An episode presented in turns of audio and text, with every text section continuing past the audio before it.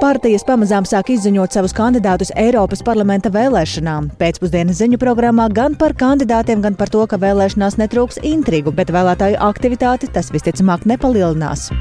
Mūsu austrumu robežas stiprināšanai Latvija varētu izstāties no konvencijas par liegumu izmantot kājnieku mīnas. Par to jau šomēnes diskutēs politiķi. Manā skatījumā būtu piemērojams moratorijas uz noteiktu periodu, nu, piemēram, līdz brīdim, kad Krievija izbeidz savu agresijas karu pret Ukrainu. ASV Ajova štatā Republikāņu partijas vēlētāji oficiāli sāka kandidātu atlases maratonu rudenī gaidāmajām prezidenta vēlēšanām, un ko varam sagaidīt no pirmā lielā tenisa sezonas turnīra Melburnā. Arī par to visu plašāk raidījumā pēcpusdiena kopā ar mani Dāci Pēkšēnu.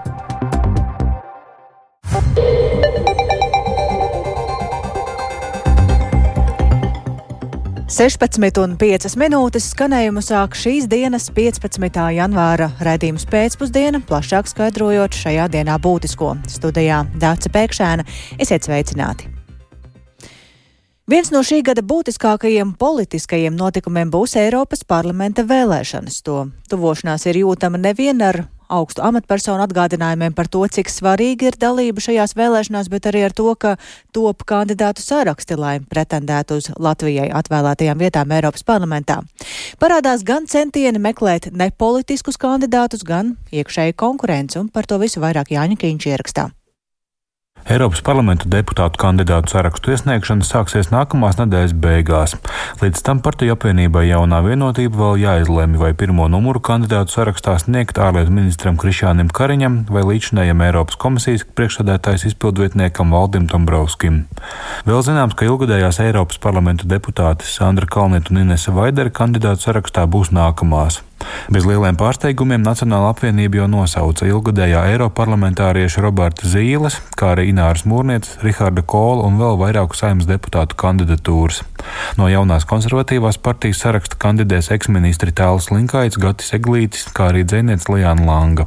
Pagājušajā nedēļā izskanēja, ka apvienotais saraksts pirmo numuru Eiropas parlamenta vēlēšanās došot Rēnim Pozņakam. Viņš jau teju divus gadus tā saucamajā Twitter konvojā organizē automašīnu nogādāšanu Ukrainā.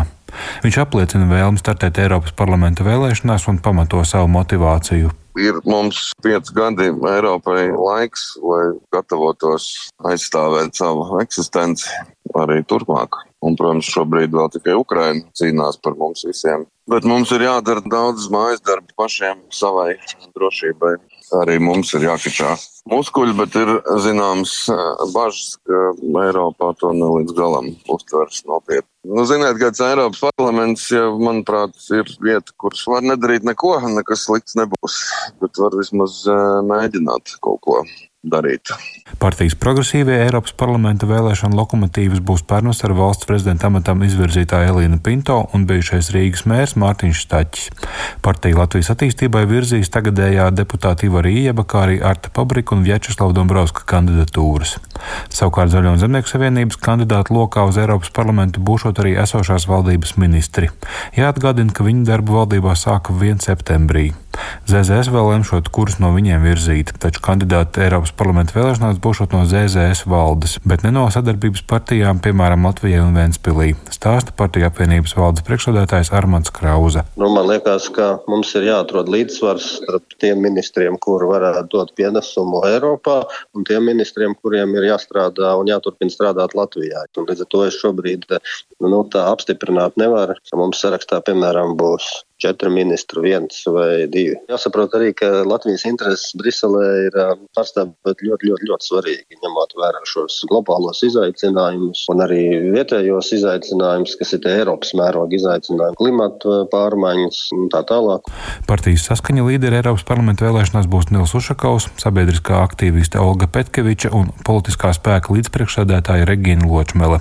Savukārt gods kalpot Rīgai atsevišķi nekandidēšot. Kāpēc tā pagājušajā nedēļā programmā programmā labrīt skaidroja partijas vadītājs Oļegs Burovs. Es no paša sākuma ienācot saimā, paziņoju, ka 25. gada es plānoju atgriezties Rīgā. Mēs esam Rīgas partija. Ja? Pēdējais, ko es gribu pateikt, partijām ir valsts finansējums. Mums nav valsts finansējuma, un uh, mēs koncentrējamies uz Rīgas vēlēšanām. Savukārt Latvija pirmajā vietā sarakstu līderi būs saimas deputāti ekspremjeras Vils Kristupāns, bijusī labklājības ministre Ramona Petraviča un Ričards Šlesers. Vēl nav zināms par stabilitātei un Latvijas Krievijas Savienības plāniem. Pēdējo ilgadējai līderei Tatjanai Ždanokai, kā zināms, likums liedz turpmāk kandidēt vēlēšanās, bet saraksta līderi varētu būt Rīgas domniece Inna Djerī.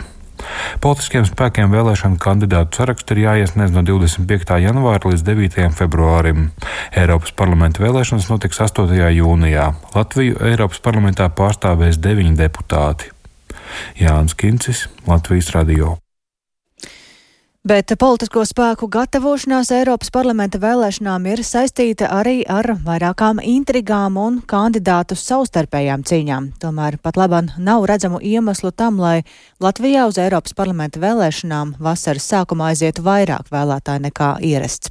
Tā par gatavošanos šīm vēlēšanām sarunā ar Jānu Kīns izsakās politologs un sabiedrisko attiecību speciālists Filips Rajevskis lielā intriga būs vienotība, jo vienotība vienmēr pēdējās vēlēšanas ir paņēmusi ļoti lielu vēlētāju balsu skaitu, līdz ar to nu, viņam vajag kādus trīs mandātus, lai viņi varētu teikt, ka viņiem bijušas veiksmīgas vēlēšanas. Vajag citu sarakstu. Tur tas jautājums, kas te būs pirmais, otrais, trešais, jo tas ir no svāra. Tie tie potenciāli ievēlamie cilvēki. Protams, lielā intriga būs, kā nostartēs kreis liberālajā spārnā, tas ir uh, attīstībai pret progresīvajiem, kur ir prioritātes ļoti līdzīgas drošību. Vienā gadalā ir ieps ar uh, fabriku, otrā galā pinto ar uh, staķi, tāda divu tandēmu cīņas, kas varētu būt, nu, interesants pats par sevi procesu, ko vērot. Tad, protams, ir jautājums ar ZZS, jo nevar teikt, ka ZZS vēsturiski Eiropa parlamenta vēlēšanas bijušas prioritāte, tomēr galu galā viņi saprot, ka viņiem vajag tur to pārstāvniecību, nu, ka nevar tā atmesties, jo viņi, nu, tas tā drusku, nu, ierobežo politiskās partijas to tēlu, ja tu neesi pārstāvēts vienā no vēlētajiem orgāniem, jo normāli liela partija, tu gribi pretendēt uz tādu statusu, viņi pārstāvēt sākot no pašvaldībām, beidzot ar Eiropa parlamentu. Tāpēc es domāju, ka ZVS visdrīzākais pieies nopietni šim jautājumam un neatmetīsies, kā mēs sakām, tādā žargonā. Atsevišķas partijas šķiet aktīvāk kā citkārt Eiropas parlamenta vēlēšanām cenšas piesaistīt nepolitiskus kandidātus. Vai tas varētu šīs vēlēšanas padarīt interesantākas? Tas ir eh, interesantākā pieredze, jā, Eiropa parlaments. Nu, nav bijušas labas pieredzes, ko mēs varētu vadīties, kur ir piesaistīti ārēji kandidāti. Šie mēģinājumi šeit varētu būt interesanti, ko pavērot. Tas ir, protams, jautājums par motivāciju. Kāda būs tā motivācija cilvēkiem balsot par šiem jaunpienācējiem politikā? Galvenais, lai tas nebūtu tā, kā es lasīju, ka viņi vienkārši to ir pelnījuši par savu labo darbu. No Eiropa parlaments nav kaut kāda pensija, ko uzdāvina, apbalvojums, ko uzdāvina par to, ka viņš ir pelnījis. Eiropa parlaments ir vieta, kur tiek ievēlēti politiķi, lai pārstāvētu mūsu intereses, lai nebūtu šis moto, viņi ir pelnījuši, tāpēc nobalsiet par viņu, tad ļausim viņiem 5 gadus atpūsties un saņemt labu algu. Un vai starptautiski saspīlētā situācija kādā veidā šogad varētu ietekmēt aktivitāti Eiropas parlamenta vēlēšanās, palielināt to? Pagaidām es neredzu iemeslus, lai būtu lielāka līdzdalība nekā tas ir bijis. Pagaidām nekas neliecina par to. Varbūt politiskām partijām būs iespēja kaut kādā veidā mobilizēt, ja varbūt kaut kāda ārēja notikuma mobilizēs vēlētāji, bet pagaidām tas viss izskatās tieši tik kūtri, kā tas parasti izties uz tiem 30% līdzdalību, nu vairāk, jā, vairāk nē. Nav kaut kāda šī motivātora, kaut kāda dziļuļa, kāpēc cilvēki iet uz šīm vēlēšanām. Pagaidām nav. Tik tālu politologs un sabiedrisko attiecību speciālists Filips Rievskis par um, Eiropas parlamenta vēlēšanām, bet šajā gadā vēlā rudenī ir vēl kādas ļoti būtiskas vēlēšanas. Otra puse okeānam - ASV prezidenta vēlēšanas, un Aijovas štata republikāņu partijas vēlētāji šodien oficiāli sāk kandidātu atlases maratontām, un gandrīz neviens nešaubās, ka uzvaru Ajovā gūs bijušais prezidents Donalds Trumps. Tādēļ lielākais jautājums ir, kuram būs otrais rezultāts, un līdz ar to tas kļūs par Trumpa galveno sāncensi. Mēs tiešraidē esam šobrīd sazinājušies ar mūsu Briseles korespondentu Arķomu Konohovu. Sveiks, Arčom, un eh, saki, tad kādēļ Ajovai katrās vēlēšanās pievērš tik lielu uzmanību? Sveicināti! Tik tiešām Aivai tiek pievērsta vienmēr ļoti liela uzmanība un lielākoties tāpēc, ka viņi ir pirmie. Un tās ir pirmais rādītājs tam, kāda tad varētu būt vēlētāja noskaņa, ko vēlētāji varētu gribēt, un vai tiešām priekšvēlēšana aptaujas uh, apliecina to, kā cilvēki tiešām nobalso. Un tāpēc uh, Aivai tiek vienmēr pievērsta ļoti liela uzmanība, un uh, agrīnā uzvara vienam vai otram kandidātam Aivā varētu palīdzēt, vai arī tieši traucēt um, turpmākajam ceļam uz to, lai šis cilvēks tiktu nominēts par savas partijas kandidātu. Nu, šogad mēs zinām, ka vislielākā intriga, protams, ir par republikāņiem, jo demokrātiem, kuriem šobrīd ir prezidents, faktiski nekādas konkurences nav. Ir zināms, ka Džo, Džo Baidens, pašreizējais ASV valsts prezidents, demokrāts, viņš kandidēs atkārtot, un tāpēc jā, lielas konkurences viņam nav, bet republikāņu vidū tomēr joprojām saglabājas zināma intriga, lai gan, protams, Donalds Trumps, bijušais prezidents, ir vadībā, un tāpēc arī daudzi šobrīd mēģina saprast, nu, kurš tad varētu būt otrais, un vai tiešām Trumps saņems tik lielu atbalstu, kā apliecina visas vēlēšanu aptaujas, vai viņš varētu saņemt atbalstu virs 50% no vēlētājiem, un kāda būs tad Otra, kas būs otrās vietas ieguvējs, vai tā būs Nikija Heilija, vai tas būs Rauns Desantis, un ar kādām, kādiem rezultātiem viņa varētu atnākt. Jo tas, tas noskaidrosies, kurš tad būs šis otrais kandidāts, un vai šim kandidātam ir arī kādas izredzes uzvarēt Trumpu nākamajos, nākamajos štatos. Saka, šodien balso arī demokrāti vai tikai republikāņi?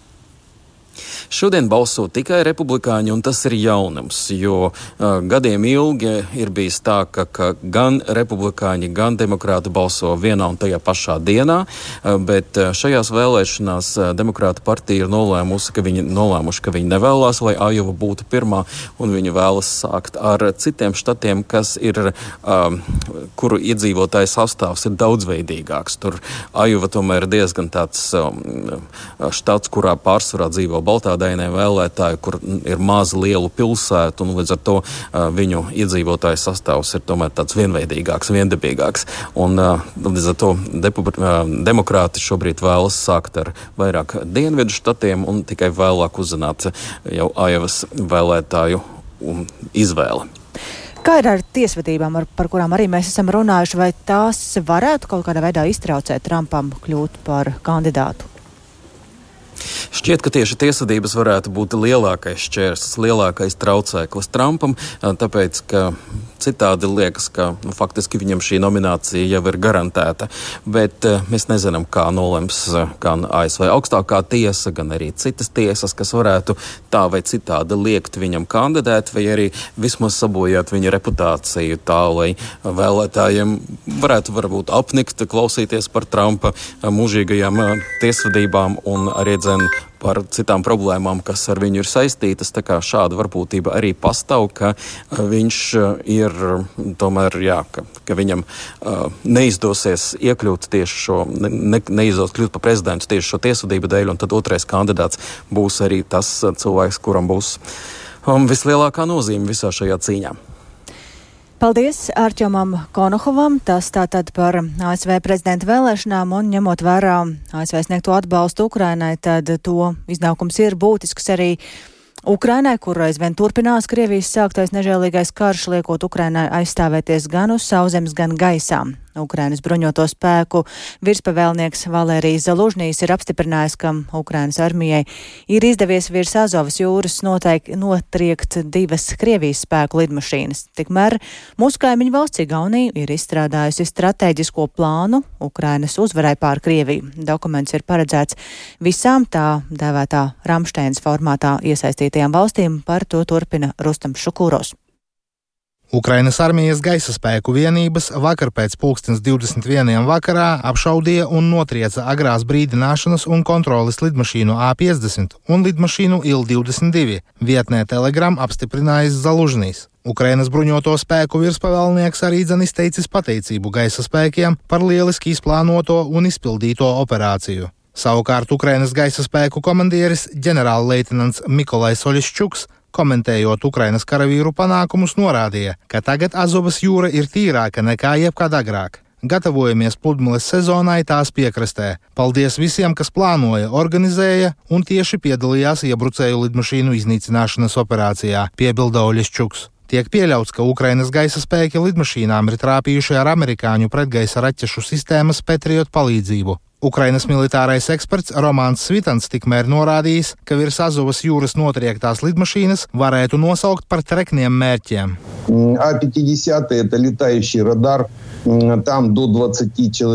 A50 ir lidojošais radars. Kopā ar pilotiem uz tā klāja varētu būt līdz 20 apkalpes locekļiem.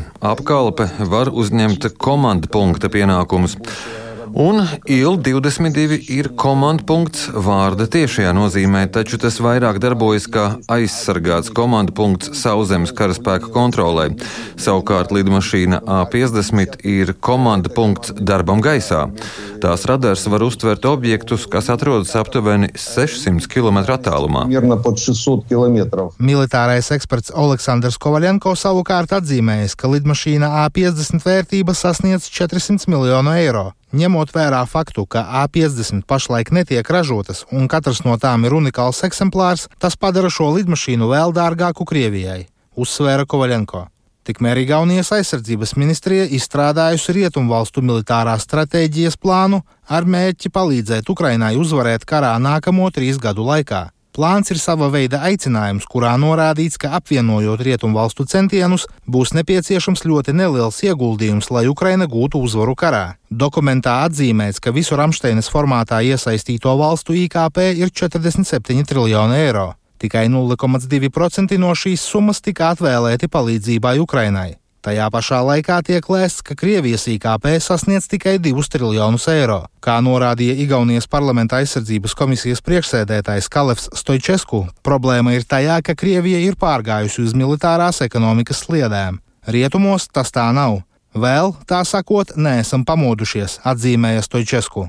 Igaunijas aizsardzības ministrijas dokumentā arī dzan teikts, ka rietumvalstīm ir jāpalielina ražošana aizsardzības rūpniecības sektorā, Igaunijas piemērs liecina, ka munīcijas ražotnes palaišanai būtu nepieciešami vismaz divi gadi. Taču pēc ekspertu domām ar atbilstošu politisko vēlmi šos procesus var ievērojami pātrināt gan Igaunijā, gan visā Eiropā.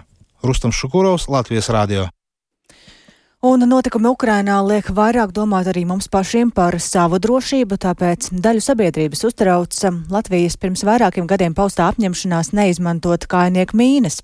Tāpēc sabiedrības iniciatīva portālā Mana balss LV ir sākta pārakstu vākšana par Latvijas izstāšanos no Otavas konvencijas. Iniciatīvas autors uzskata, ka Latvijas sabiedrība šādi iegūtu drošības sajūtu, ka Latvijas robežu varētu nomīnēt agresora potenciālu uzbrukumu gadījumā. Eh, parlamentā jau šomēnes ir plānotas diskusijas par šo jautājumu, bet ko paredz Otavas konvencija? Un kā izstāšanos no tās vērtē eksperti, par to vairāk Agnijas Lazdiņas ierakstā. Otavas konvencija paredz, ka tās dalību valstis apņemas nelietot, neražot, nenodot tālāk un neuzglabāt kainieku mīnas, kā arī iznīcināt to rīcībā esošos kainieku mīnu krājumus. Tā arī aizliedz kādā veidā palīdzēt trešajām valstīm veikt darbības, kas aizliegtas šajā konvencijā. Konvencijas mērķis ir mazināt kainieku mīnu radītos upurus un ciešanas. Otavas konvencija stājusies spēkā 1999. gadā, bet Latvijā 2006. gadā. Tajā ir 166 dalības dalību valstis. Bijušais Nacionālo bruņoto spēku komandieris Raimons Grauba norāda, ka atbalsta izstāšanos no Otavas konvencijas, ņemot vērā, kā šobrīd Krievija karo Ukrainā, tostarp arī pati Krievija nav Otavas konvencijas dalība valsts. Taču vispirms pēc Graubas domām būtu svarīgi konsultēties gan ar Lietuvu un Igauniju, gan arī ar sabiedrotajiem, kas šobrīd atrodas Latvijas teritorijā. Praktiski tas patiesībā nozīmē to, ka uh, mīnu lauki, tas ir arī kainieku mīnu lauki, iespējami nomīnēts kaut kādas teritorijas, samazinātu pretinieka virzīšanās ātrumu. Tātad tāds pretmobilitātes pasākums modernākām piegādes sistēmām, piemēram, katlērijas sistēmām, varačas sistēmām, mēs varētu uzturēt kaut kādu pārāvumu, piemēram, fronts līnijā vai, kā savādāk. Viņš ir ļoti efektīvs ierocis, kas samazina pretinieka pārvietošanos ātrumu. Latvijas gadījumā ņemot vērā arī varbūt nu, teritorijas lielumu un visas pārējās tādas īpatnības, tad es domāju, ka tas ir ļoti nozīmīgs. Līdzīgās domās ir arī ārlietu komisijas priekšsēdētājs Rihards Kols no Nacionālās apvienības, uzsverot, ka vispirms jāsāk ar politiskajām konsultācijām ar Lietuvu un Igauniju. Viņa prāt situācija 20 gadu laikā ir mainījusies un valsts aizsardzība jāplāno un jāveido atbilstoši šodienas apstākļiem. Manā skatījumā būtu piemērojams moratorijas uz noteiktu periodu, nu, piemēram, līdz brīdim, kad Krievija izbeidz savu agresijas karu pret Ukrainu. Bet arī tas varbūt nav tās vienīgais nosacījums, tie var būt vairāki. Izstāšanās tas ir galējais līdzeklis. Nu, šeit nepieciešama politiskā diskusija, un to mēs plānojam parlamentā arī īstenot jau šajā mēnesī. Būs ārlietu komisijas un aizsardzības komisijas kopsēde tieši skatot šo jautājumu. Gan skatot no aizsardzības spēju stiprināšanas skatu punkta, ko tas dotu vai nedotu mūsu spēju stiprināšanai, un otrs, kas ir ārlietu komisijas atkal kompetences jautājums tieši starptautiskās tiesības principi, kur kā mēs atrodamies šajā tiesību arī sistēmā un arī esot šīs konvencijas ratificētāja valsts. Kols arī norāda, ka neformāli runājot ar abu valstu ārlietu komisijām, esot noskaidrojis, ka lēmums saistībā par Otavas konvenciju tiekot gaidīts tieši no Latvijas, jo tur diskusijas esot jau bijušas, bet skaidrs lēmums pagaidām vēl nesot pieņemts. Agnija Lazdiņa, Latvijas radio. Un šobrīd, palūkojoties portālā Mana balss LV, tad um, iniciatīvu par Latvijas izstāšanos no Otavas konvencijas ir parakstījis nu, nepilns tūkstotis iedzīvotāji, ja precīzi, tad 973 iedzīvotāji. Bet mēs veicājām, ko par šo ieceri saka arī aizsardzības ministrs Andris Sprūts no partijas progresīvie, kurš uzsver, ka ir svarīgi, lai Latvijai būtu droša robeža un iespēja aizsargāt savu valsti. Taču, lai pieņemtu gala lēmumu, lēmumu par Otavas konvenciju ir jāņem vērā gan Nacionālo bruņoto spēku izvērtējums, gan arī jābūt sarunām ar Latvijas sabiedrotajiem un valstīm, kas robežojas ar Krieviju, kā Lietuvu, Igauniju, Somiju, un varam šobrīd paklausīties sprūda teikto sarunā ar kolēģi Agniju Lazdiņu. Nu, šis jautājums, protams, ka tagad ir dienas kārtībā parādījies un nenoliedzam, ka svarīgi arī, ka sabiedrība ir iesaistīta un domā par aizsardzību, kā mēs kopīgi varam risināt. Un, protams, ka tas, ko mēs redzam arī Ukrainā, ka Krievija nepieturās pie kādām konvencijām un skaidrs, ka mums ir šāds kaimiņš, agresoru valsts ar kur mums ir jārēķinās. Un, respektīvi, protams, ka mums šajā situācijā ir jādomā par dažādiem scenārijiem un par visiem līdzekļiem, kā mēs varam savu valsti aizsargāt. Protams, ka svarīgi šajā situācijā ir eh, to, kā vērtē tos iespējamos līdzekļus Nacionāla bruņoties spēki, jo, protams, kad ir gan valsts aizsardzības plāns, ir arī NATO reģionāla aizsardzības plāni, šobrīd tiek strādāts arī pie militārās pretmobilitātes plāna. Vienlaiks, protams, ka jāņem arī vērā, ka mūsu aizsardzību nodrošina divas dūres, viena tas ir mūsu pašu spēki, bet, protams, arī NATO, un tāpēc arī konsultācijas un informēšana arī sabiedrotajiem arī ir ļoti nozīmīga, jāatcerās, ka visas Eiropas Savienības un NATO dalībvalsts, izņemot ASV, bet arī ASV ir faktiski pievienojusies šai konvencijai, ir šīs konvencijas, teiksim tā, nu, līdz parakstītāji vai arī tie, kas tad šīs šo konvenciju ievēro. Cik svarīgi ir tas, ka šajā jautājumā mēs esam vienoti ar Lietuvu un Igauniju? Šis faktors mums ir jāņem vērā arī ar mūsu sabiedrotajiem, jo, protams, kad eh, viens, ja mēs pieņemt lēmumu izstāties no konvencijas, tad eh, tas eh, lēmums, ja tā var teikt, īstenot uz dzīvē pēc sešiem mēnešiem, un tad, protams, kad mums būtu arī viens jāsaprot, kā mēs, teiksim, speram nākamos soļus un konkrēti, kur mēs šīs mīnas potenciāli vai iegādājamies vai ražojam, jo, protams, ja visas pārējās valsts ir arī šajā, teiksim, mūsu sabiedrotie šajā patos konvencijā iekšā, tad nenoliedzam, ka šeit um, ir arī no aizliegums eksportēt. Līdz ar to ir, protams, kad sabiedroto klātbūtni, sabiedroto nostāju un, un potenciāli informēšana ir svarīga. Un, protams, kad ir svarīgi tīpaši tie, kas mums ir tuvākie kaimiņi šeit Lietuva un Igaunija. Vai izstāšanās no konvencijas nozīmētu, ka pa visu Latvijas robežu tiktu izvietotas kainieku mīnas? Nē, tas to nenozīmētu, tas vispirms nozīmē to, ka mēs šo procesu jau uzsāktu. Šāds process uzsākties, šāds lēmums tika pieņemts. Tā paiet seši mēneši, kā mēs formāli notikstājamies. Mums jāinformē visi šīs konvencijas parakstītāji. Mums ir jāinformē apvienoto nāciju drošības padome ar pamatojumu, kāpēc mēs to darītu. Tad jau savukārt būtu nākamais solis, kā mēs līdz mīnām tiekam. Un ja mēs līdz šādām mīnām vienā vai otrā veidā nonāk, tad, protams, kad vispirms tas nebūtu mīnēšana nenotiktu uzreiz, bet tas būtu, teiksim, būtu vairāk kā rezervas kaujas, teiksim, tā kāra scenārija gadījumā. Jāpiebilst, ka šonadēļ Rīgā ir paredzēta Baltijas valstu aizsardzības ministru tikšanās, kurā tad arī ir plānots diskutēt arī par Otavas konvenciju. Bet, ja runājam par pavisam cita veida apdraudējumu, tad satraukuma pilnas dienas šajās um, dienās nāks piedzīvot iedzīvotājiem Īslandē, kur vulkāna izvirdumā lava ir sasniegusi Grindavīku un lava ir arī skārusi vairākas ēkas, tās izpostot vai nodedzinot un sākotnējais rīkojums evakuēties vulkāniskās aktivitātes dēļ Grindavīgas iedzīvotājiem tika dots jau sestdien, aicinot to izdarīt līdz šīs dienas vakaram, bet pēcāk sākoties izvirdumam evakuēties nācās steidzami. Un, lai varētu saprast to, kā tad šobrīd jūtas cilvēki Islandē, kā tur izskatās, esam sazinājušies ar Ilzi Vāžu Frolovu, kura Islandē dzīvo jau 15 gadu. Labdien! Labdien! Vispirms izstāstiet nedaudz par to, kur jūs pati atrodaties, lai mēs saprastu, cik tālu tas ir no šīs izvirduma vietas, vai varat arī izstāstīt to, ko varējāt redzēt un ko šobrīd redzat savām acīm. Uh, es dzīvoju aptuveni 20 km no Grindavīgas, Keflavīgas pilsētā, tā kā salīdzinoši netālu. Bet mūs tas neskar. Mēs varējām redzēt mazliet dūmus vakar no rīta mazliet tādu oranžu plāsmu. Šodien jau tikpat kā vairs neko neredz ne no Grindavīgas, ne no ceļa uz Reikjaviku, ne no Kefalīgas, atvainojos, ne no ceļa uz Reikjaviku. Bet eh, kādas ir tās jaunākās ziņas, eh, ko saka šobrīd eh, vietējie dienesti par šī brīža situāciju, nepieciešamo rīcību? Nu, Grindavīga ir pilnībā tukša, protams, un, un, un tur vēl nav zināms, kad kaut kas varētu mainīties. Uh, tā plaisa, no kuras uh, bija lavas plūsma pašā Grindavīgā, ir apstājusies. Tur jauna lava nenāk, bet otrā lielā plaisa vēl ir atvērta. Lai gan viņa ir palēninājusies, tur izvirdums joprojām ir spēkā. Un tagad tās prognozes visu laiku mainās. Katram ir sava prognoze, vai varētu atvērties jaunas spraugas, vai viņas varētu neatvērties, vai izvirdums būs garš, vai viņš būs īss. Tas viss vēl ir tādā minējumu stāvoklī. Tātad prognozes pagaidām neskaidras. Um, mēs ziņojam arī to, ka Laveras kārus arī vairākas mājas ir kaut kas zināms vairāk par to, cik daudz šo māju un kas gal galā notiks ar šo māju iedzīvotājiem. Ir ļoti, savā ziņā jāsaka, gan veiksmīgi, gan neveiksmīgi. Trīs mājas ir iznīcinātas, kas ir trīs mājas.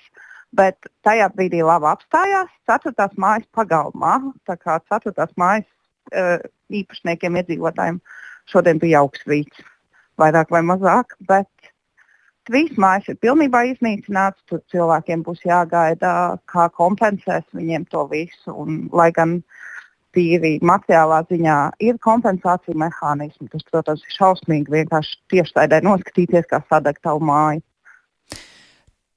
Jā, tīri emocionāli. Es gribēju vaicāt arī, nu, ko tas nozīmē. Protams, viens ir šiem cilvēkiem, kuru mājas tas ir skāris, bet uh, arī pārējiem, ko tas nozīmē.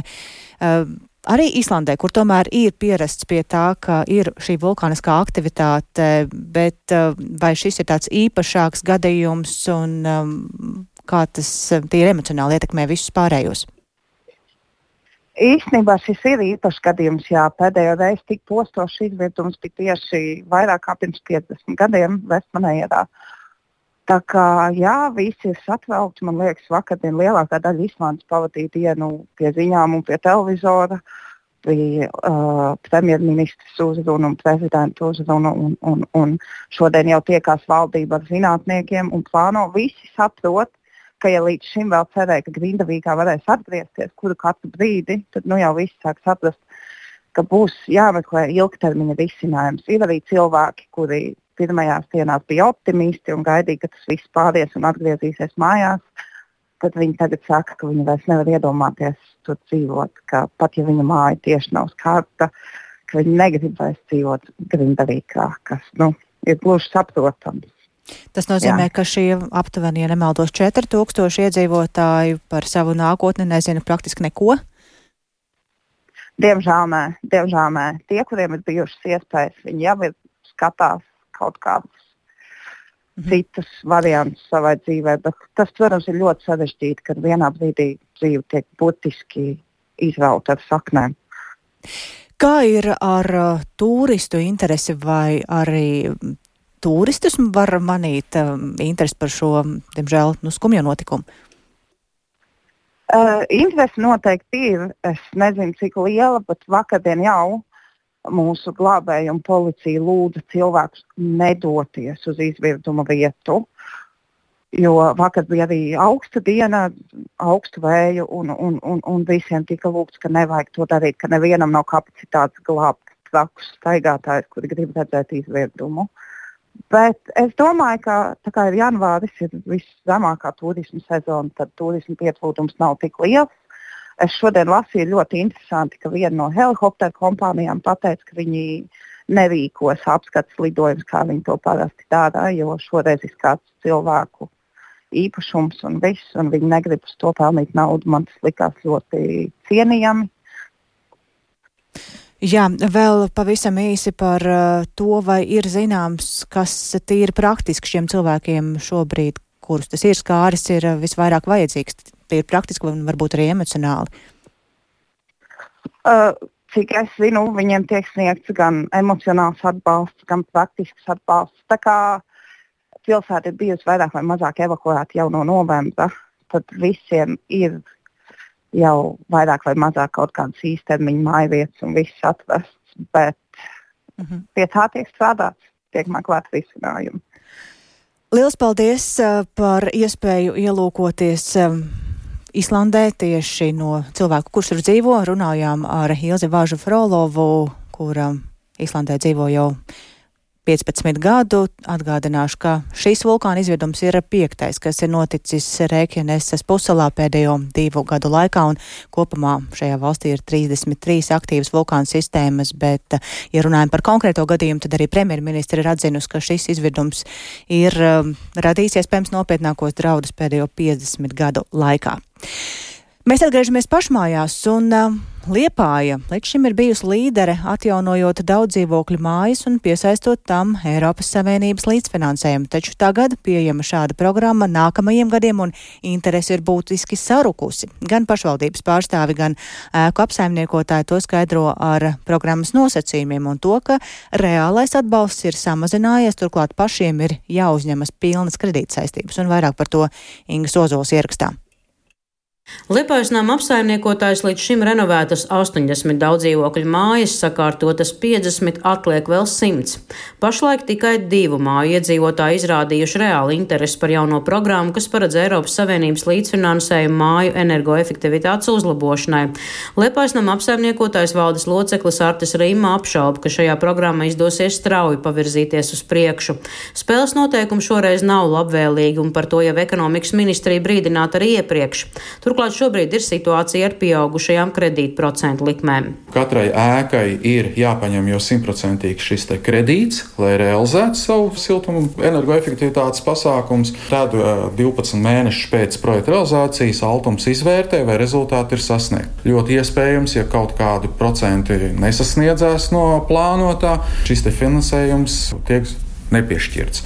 Līdz ar to ir ļoti riskants un tāds nevisai pārliecinošs pasākums. Mājas nevisai vēlas šādiem spēles noteikumiem piekrist. Arī Liepājas domas izpildirektora vietnieks Mārtiņš Tīdens Latvijas radio skaidro, ka situācija nav daudz sološa. Iedzīvotājiem ir maz interesi šajā programmā piedalīties. Ja pasaka cilvēkam, ka jāņem nu, māja kredīts, nu, lielai mājai miljonus, nu, nu, viens otrs ķer pēc validola, nu, jo nu, tā ir. Iemesli, kāpēc nav tik liela interese par šo Eiropas Savienības atbalstu programmu, ir dažādi. Latvijas radio skaidro automenergoefektivitātes programmu departamenta vadītāja Ieva Vērzemniece. iepriekšējā programmā, kad varēja saņemt 50% no kopējām projekta izmaksām.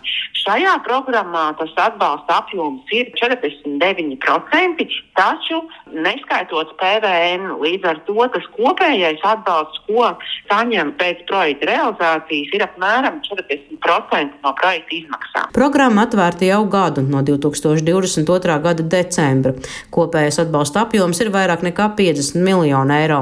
Plānots, ka atbalstu varētu saņemt aptuveni 150 daudzdzīvokļu mājas Latvijā. Kāda situācija ir pašreiz, turpina Altuma pārstāve. Mēs esam rezervējuši atbalstu 35 daudzdzīvokļu mājām Latvijā par apmēram summu vairāk kā 11 miljonu eiro. Tātad, principā, viena piekdaļa no finansējuma šobrīd ir rezervēta, bet atlikušais finansējums ir pieejams un gaidām projektu pieteikumus. Problēmas ir ne tikai šīs programmas kontekstā, bet domājot ilgtermiņā. Tā uzskata Mārtiņš Tīdens, kurš ilgstoši pēta energoefektivitātes un mājokļu jautājumus Liepājas domē. Programmas noteikumiem jābūt draudzīgiem, iedzīvotājiem saprotamiem, tātad ēka apsaimniekotājiem, būvniekiem, dzīvokļu īpašniekiem. Programmai ir jābūt patstāvīgai, nevis viļņveidīgai, kā tas ir ar Eiropas Savienības līdzfinansējumu. Eiropas Savienība, piemēram, sola mums 50 miljonus vai pat 200 miljonus, bet jūs saprotat, ka 23,000 ēkas. Finansiāli tie ir 12 miljardi. Tad tie miljoni nav nekas pret visu to lielo vajadzību. Un, ja mēs ar šiem miljoniem ņemsimies, tad mēs 161 gadu vēl šo lietu darīsim. Latvijā steidzīgi jāmeklē vēl papildus risinājumi, lai daudz dzīvokļu mājas sakārtotu. Atbalsts iedzīvotājiem ir nepietiekams, turklāt laikā, kad jaunas mājas būvē maza, uzskata Mārtiņš Tīdens.